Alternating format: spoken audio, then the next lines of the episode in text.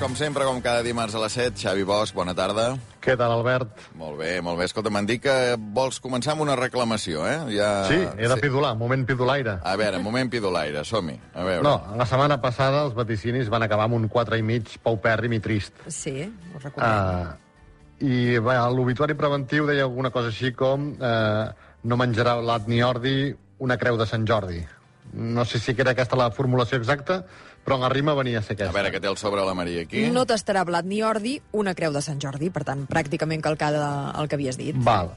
El dia Avís, 16... perdona, perdona un moment, Digue'm, Xavi. Uh, digue'm. el bar emèrit està escoltant, eh? O sigui, acabo de rebre un missatge que vull dir, el bar emèrit està escoltant i pot emetre també el seu veredicte. Doncs veurem què diu el Jofre Llombard emèrit, però a l'avantguàrdia de dijous 16 sortia una esquela del senyor Virgil Ani, creu de Sant Jordi, que moria el 14 de març. Era un traductor romanès, impulsor del romanès a Catalunya, va tenir 89 anys, en Quim Torra li va donar la creu de Sant Jordi fa 3 anys, i l'esquela és claríssima. Va morir el dia 14, que és el dimarts, que és el dia que vam fer els vaticinis al món a recull. En aquell moment, lògicament, no podíem saber que aquest senyor havia mort.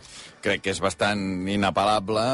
El, el Jofre diu punt admès, per tant, Val. escolta'm, uh, això canvia la puntuació de la setmana passada. Canvia la puntuació i ara, clar, jo m'havia apuntat aquí en el sobre, no?, que s'havia trencat aquell malefici de, de que havia suspès un dia que sí que jo hi era present. Uh -huh. Però sembla que no, que per tant acabarà amb un 5 i mig de 10, per tant no hi ha suspens, eh, tornes a provar. Hem molt curiós, rebrasat. ha sigut molt curiós, eh, perquè si aquest vaticini l'arribes a fer una setmana més tard, Sí. Home. s'ha- produït la mort de Fèlix Millet. Expliquem-ho, perquè hauria sigut un cas, diguem, aquí sí que hauria hagut d'entrar al, al bar. bar. perquè, clar, eh, Lluís. Fè- Fèlix Millet tenia la Creu de Sant Jordi, Sí. però li van retirar la Creu de Sant Jordi, de manera que no hi ha hagut esquela als diaris per Fèlix Millet. L'esquela pagada que té tota Creu de Sant Jordi no l'ha tingut perquè ja li havien retirat, li van retirar el 2009 i ell mateix em sembla que la va tornar el 2010. Però jo hauria portat eh, proves gràfiques del dia que li van concedir i que li van lliurar i que li van posar. Saps? Jo no dic No, no, no. li han donat i li han retirat. No, no, oh, és, és que si m'haguéssiu tret aquest punt, dimiteixo ens d'Islàndia i me'n vaig ens a hauríem, Finlàndia. ens hauríem discutit, eh? Hi hauria I hagut tant, debat, hi hauria hagut debat, jo crec. Sí, sí, sí, sí. Perquè, clar, si ja li havien tret, no?, doncs ja no es pot dir que és una creu de Sant Jordi. Però vaja. Bé, uh, en tot cas... Això no ha passat. En tot Ja. cas, això no ha passat. Punt admès. Uh, la setmana passada vas, uh, es tanca aquest sobre de vaticinis amb un 5 i mig. Veurem a veure què passa aquesta setmana.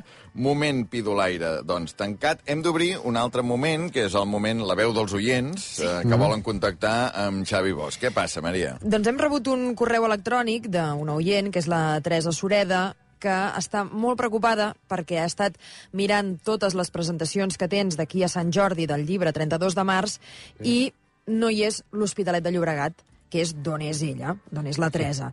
Llavors, jo és veritat que ho he estat mirant també, no he sabut veure l'Hospitalet, ara ens dirà si, si hi ha algun canvi o si hi ha parada prevista en aquesta població, però sí que he mirat les que tens demà, demà passat, és a dir, fins dissabte, Com per ajudar la Teresa, no? per ajudar la. Teresa, on li queda una mica més proper, clar. A veure, què té? Demà a setmana? Girona. Sí. Demà a Girona, Sí, sí. dijous Premià de Mar, Uh -huh. divendres Sant Cugat És a prop, i dissabte Banyoles. més sí. lluny.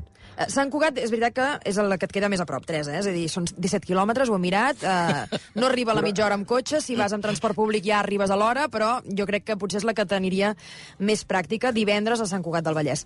Però n'hem fet dues a Barcelona. També era bastant a prop. de Clar, però aquestes, de Llobregat. aquestes ara ja no hi és a temps, la Teresa. No. Llavors també pots dir, ostres, vaig a passar el dissabte a Banyoles. Ah, i Veus el llac de, de pas, clar. Bé. Aprofites, vas allà, fas una, una escapadeta... Clar, Banyoles són 126 quilòmetres, la cosa ja s'allarga una mica més. es Girona, allà- Però val la pena, val la pena passar el Sí, dissabte home, a sí. Banyoles. En fi, escolta'm, eh, opcions en té la Teresa. Veurem a veure ja, ja què sí. hi ha i si s'hi afegeix doncs, l'Hospitalet més enllà de Sant Jordi, doncs això ja, això ja es veurà. Però en tot cas... Eh, De moment no hi és, però bueno, d'aquí Sant Jordi me'n queden eh, 19, em sembla, encara, i després continuarem cada dijous en farem una. Però l'Hospitalet, de moment, no m'han convidat.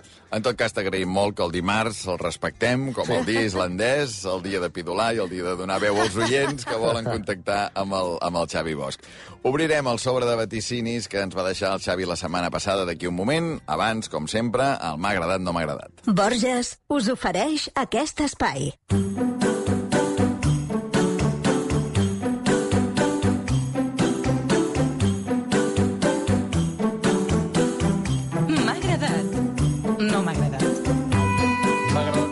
Carta d'un lector de La Vanguardia d'avui i, no, francament, no podia estar més d'acord amb el que diu en Josep Varela, que és de Lleida, que Lleida és una localitat que està a una hora d'AVE de l'Hospitalet, per si li convé a la Teresa Sureda. En Josep Varela diu el mateix dia que el govern presenta una campanya en defensa de la llengua catalana, en diferents instituts de Catalunya es fa una prova pilot per la futura selectivitat on els diversos exàmens estan redactats únicament en castellà. Alguna cosa no lliga, diu ell. Certament, molt perspicaç Josep Varela. De fet, estem com el Real Madrid. Alguna cosa no lliga, no lliga. No m'ha agradat, precisament arran de la mort de Fèlix Millet, que es fos tan, eh, no sé com dir-ho, tan curós amb el llenguatge. Per exemple, tant La Vanguardia com l'Ara van fer el mateix titular a portada. Més enllà de la sorpresa que coincidissin paraula per paraula, sorprenia encara més la paraula triada. Mor Fèlix Millet, autor de l'espoli al Palau. Autor? Per què n'hi diem autor si va ser un lladre condemnat per robar 26 milions d'euros? Autor és un eufemisme bonic, romàntic, gairebé novel·lesc. L'autor de l'espoli, l'autor dels saquets. Home, si robes 26.000 euros, resulta que ets un quinqui. Però si robes 26 milions, ets un autor. Que curiosa la semàntica amb els rics. M'ha agradat descobrir, arran dels 5 gols de Haaland en un mateix partit de Champions, el dia, el dia que va néixer Erling Haaland, el 21 de juliol. I jo també. Sabia que teníem alguna cosa en comú, el Haaland i jo, i no sabia el què. De fet, també Hemingway i Marcelo Bielsa i Robin Williams i l'Evole, també nascuts el 21 de juliol, eren personatges rarets, tossuts, sorruts, i que es marquen objectius concrets. Jo, el de marcar 5 gols en un partit, ja no ho podré aconseguir. No m'ha agradat que ara el Parlament es qüestioni retirar la part del sou dels expresidents quan arriben a l'edat de jubilació. Primer, que per castigar Laura Borràs, que tot això es fa per ella o contra ella, quina culpa en té el Rigol, el Benac, la de Gispert, la Forcadell o el Roger Torrent? I segona, fer-ho d'ara en endavant, home, d'acord, si ho vota la majoria de partits, però fer aquest canvi amb efectes retroactius és que deu ser il·legal i tot. Les regles del joc eren unes i no es poden canviar a mitja partida perquè, a més a més, això vol dir treure rellevància al Parlament i a la segona autoritat del país. Estem, francament, a 5 minuts d'entrar en la política del tret al peu, d'esquifir-nos nosaltres mateixos amb les nostres institucions. Comencem omplint-nos la boca del Parlament de Catalunya i acabarem emmarcant dues etiquetes d'anís del mono. M'ha agradat ser ahir a Mataró, a la gira, i veure que el Maresme ha recuperat una de les grans llibreries del país. Durant molt temps, durant dècades, a Mataró hi havia la Robafaves, un referent, va tancar. Després, fa més de 10 anys, va obrir la llibreria Dòria. I ara, des del novembre, la mateixa Dòria s'ha ubicat al vell mig de la Riera, en un lloc que és un 10, amb una llibreria gegant, molt ben arreglada i, sobretot, molt còmoda pels lectors i els compradors. Una joia i una alegria veure que una llibreria pensa més en els seus clients que no en com de bé quedaran les fotografies en una revista d'interiorisme.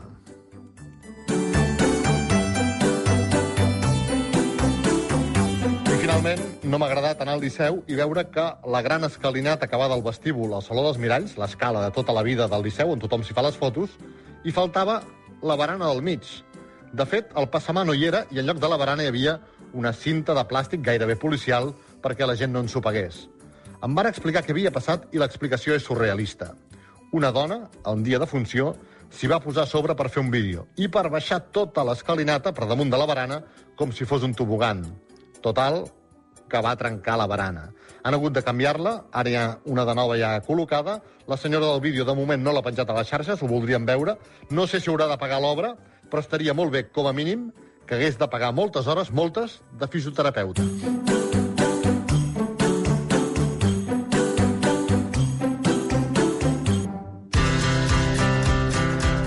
Ho veus, com la primera feina del periodista és preguntar, perquè si no veus allò, veus que falta i dius, què ha passat aquí? Què ha passat aquí? S'ha de preguntar, perquè, clar, aquesta història és, és, boníssima. és I boníssima. llavors vaig pensar, a, a qui la passo? A quin periodista li explico d'aquests que fan crònica ciutadana de Barcelona perquè la publiqui?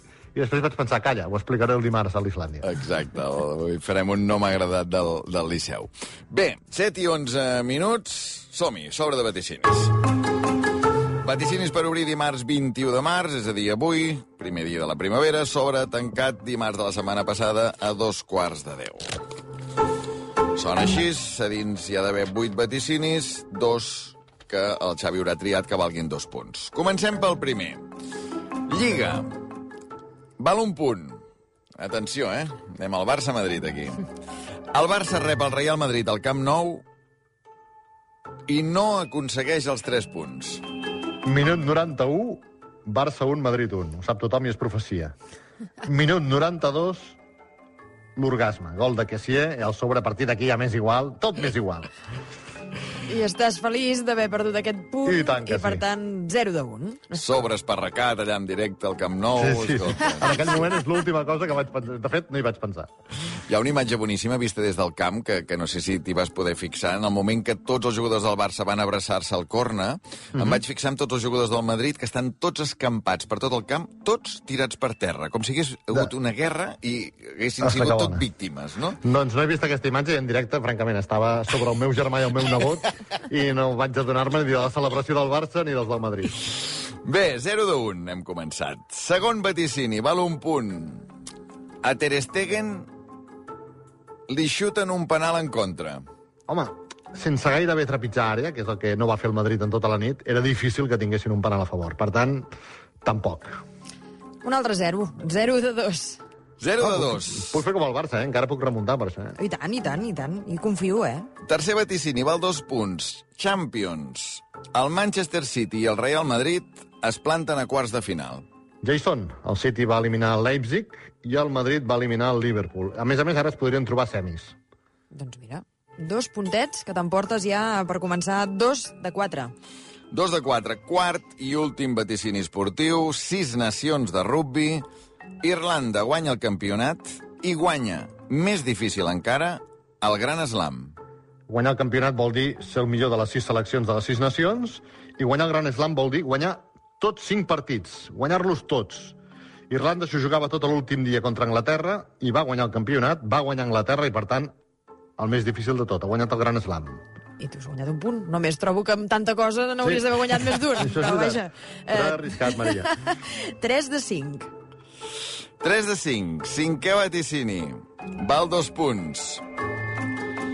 La moció de censura contra Emmanuel Macron no prospera. Li ha anat de nou vots. De fet, han sigut dues mocions de censura pràcticament pel, pel preu d'una. Li ha anat de nou vots, però l'ha superat, no ha prosperat. I tu ja tens l'aprovat? 5 de 7. 5 de 7, perfecte. Sisè vaticini, val un punt. Congrés dels Diputats. Fracassa la nova llei Mordassa. Amb rima i tot. Podem i Esquerra no hi van estar d'acord, no van voler baixar del burro contra les pilotes de goma, i ben fet que van fer, i per tant la llei Mordassa, no, la nova, no s'ha aprovat, ha quedat com quedava, com estava abans amb Rajoy, i ha fracassat la nova llei Mordassa. I tu realment, eh, aquesta remuntada s'està fent palesa. 6 de 8. 6 de 8, queden dos vaticinis, els dos clàssics. Anem pel penúltim, obituari preventiu. No cada dia es mor algú que es diu Maria. De fet, li deien Mària, jo no la coneixia, però l'havia vist moltes vegades a Televisió Espanyola a Sant Cugat informant de coses de Barcelona. Tenia 59 anys, Maria, Maria Sánchez va morir dijous, una, una llàstima. És veritat. 7 de 9. Una gran periodista, a més a més, eh, que es havia dedicat tota la vida a Televisió Espanyola a la informació de, de Barcelona, la Mària Sánchez, que va morir dijous i que va ser enterrada dissabte. Vuitè i últim vaticini, Joan Carles de Borbó continua sent rei emèrit. Però ja li queda una setmana menys perquè deixi de ser-ne. I tu acabes amb un 8 de 10 que... La remuntada. Ah, O sigui, sí, sí. només has fallat els dos vaticinis del Barça-Madrid, eh? Però Molt se l'han forts. fot, Albert, ja ho saps. que bé que ens ho hem passat. Clar, clar, perquè a més és aquest, eh, aquest culer que, que vaticina, diguem... En contra. En contra. Que, que és un vaticini, però és preventiu, també, allò de dir, escolta, mira... Com a mínim, si Com a- perdem... o- Com a mínim que tinguem un punt, tu, saps? Doncs molt bé, un 8 de 10. Xavi, que vagi molt bé la gira aquesta setmana. Moltes gràcies, fins dimarts. Fins dimarts, un quart de 8 i un minut. De seguida la història del Roger i la Cristina i després Sergi Pàmies a Islàndia. A Borges sabem el que de veritat importa. I per això cuidem la teva salut i la dels teus. I t'oferim productes saludables, elaborats amb ingredients d'alta qualitat, per ajudar-te a gaudir d'una alimentació sana i equilibrada. Borges, cuidant el que importa.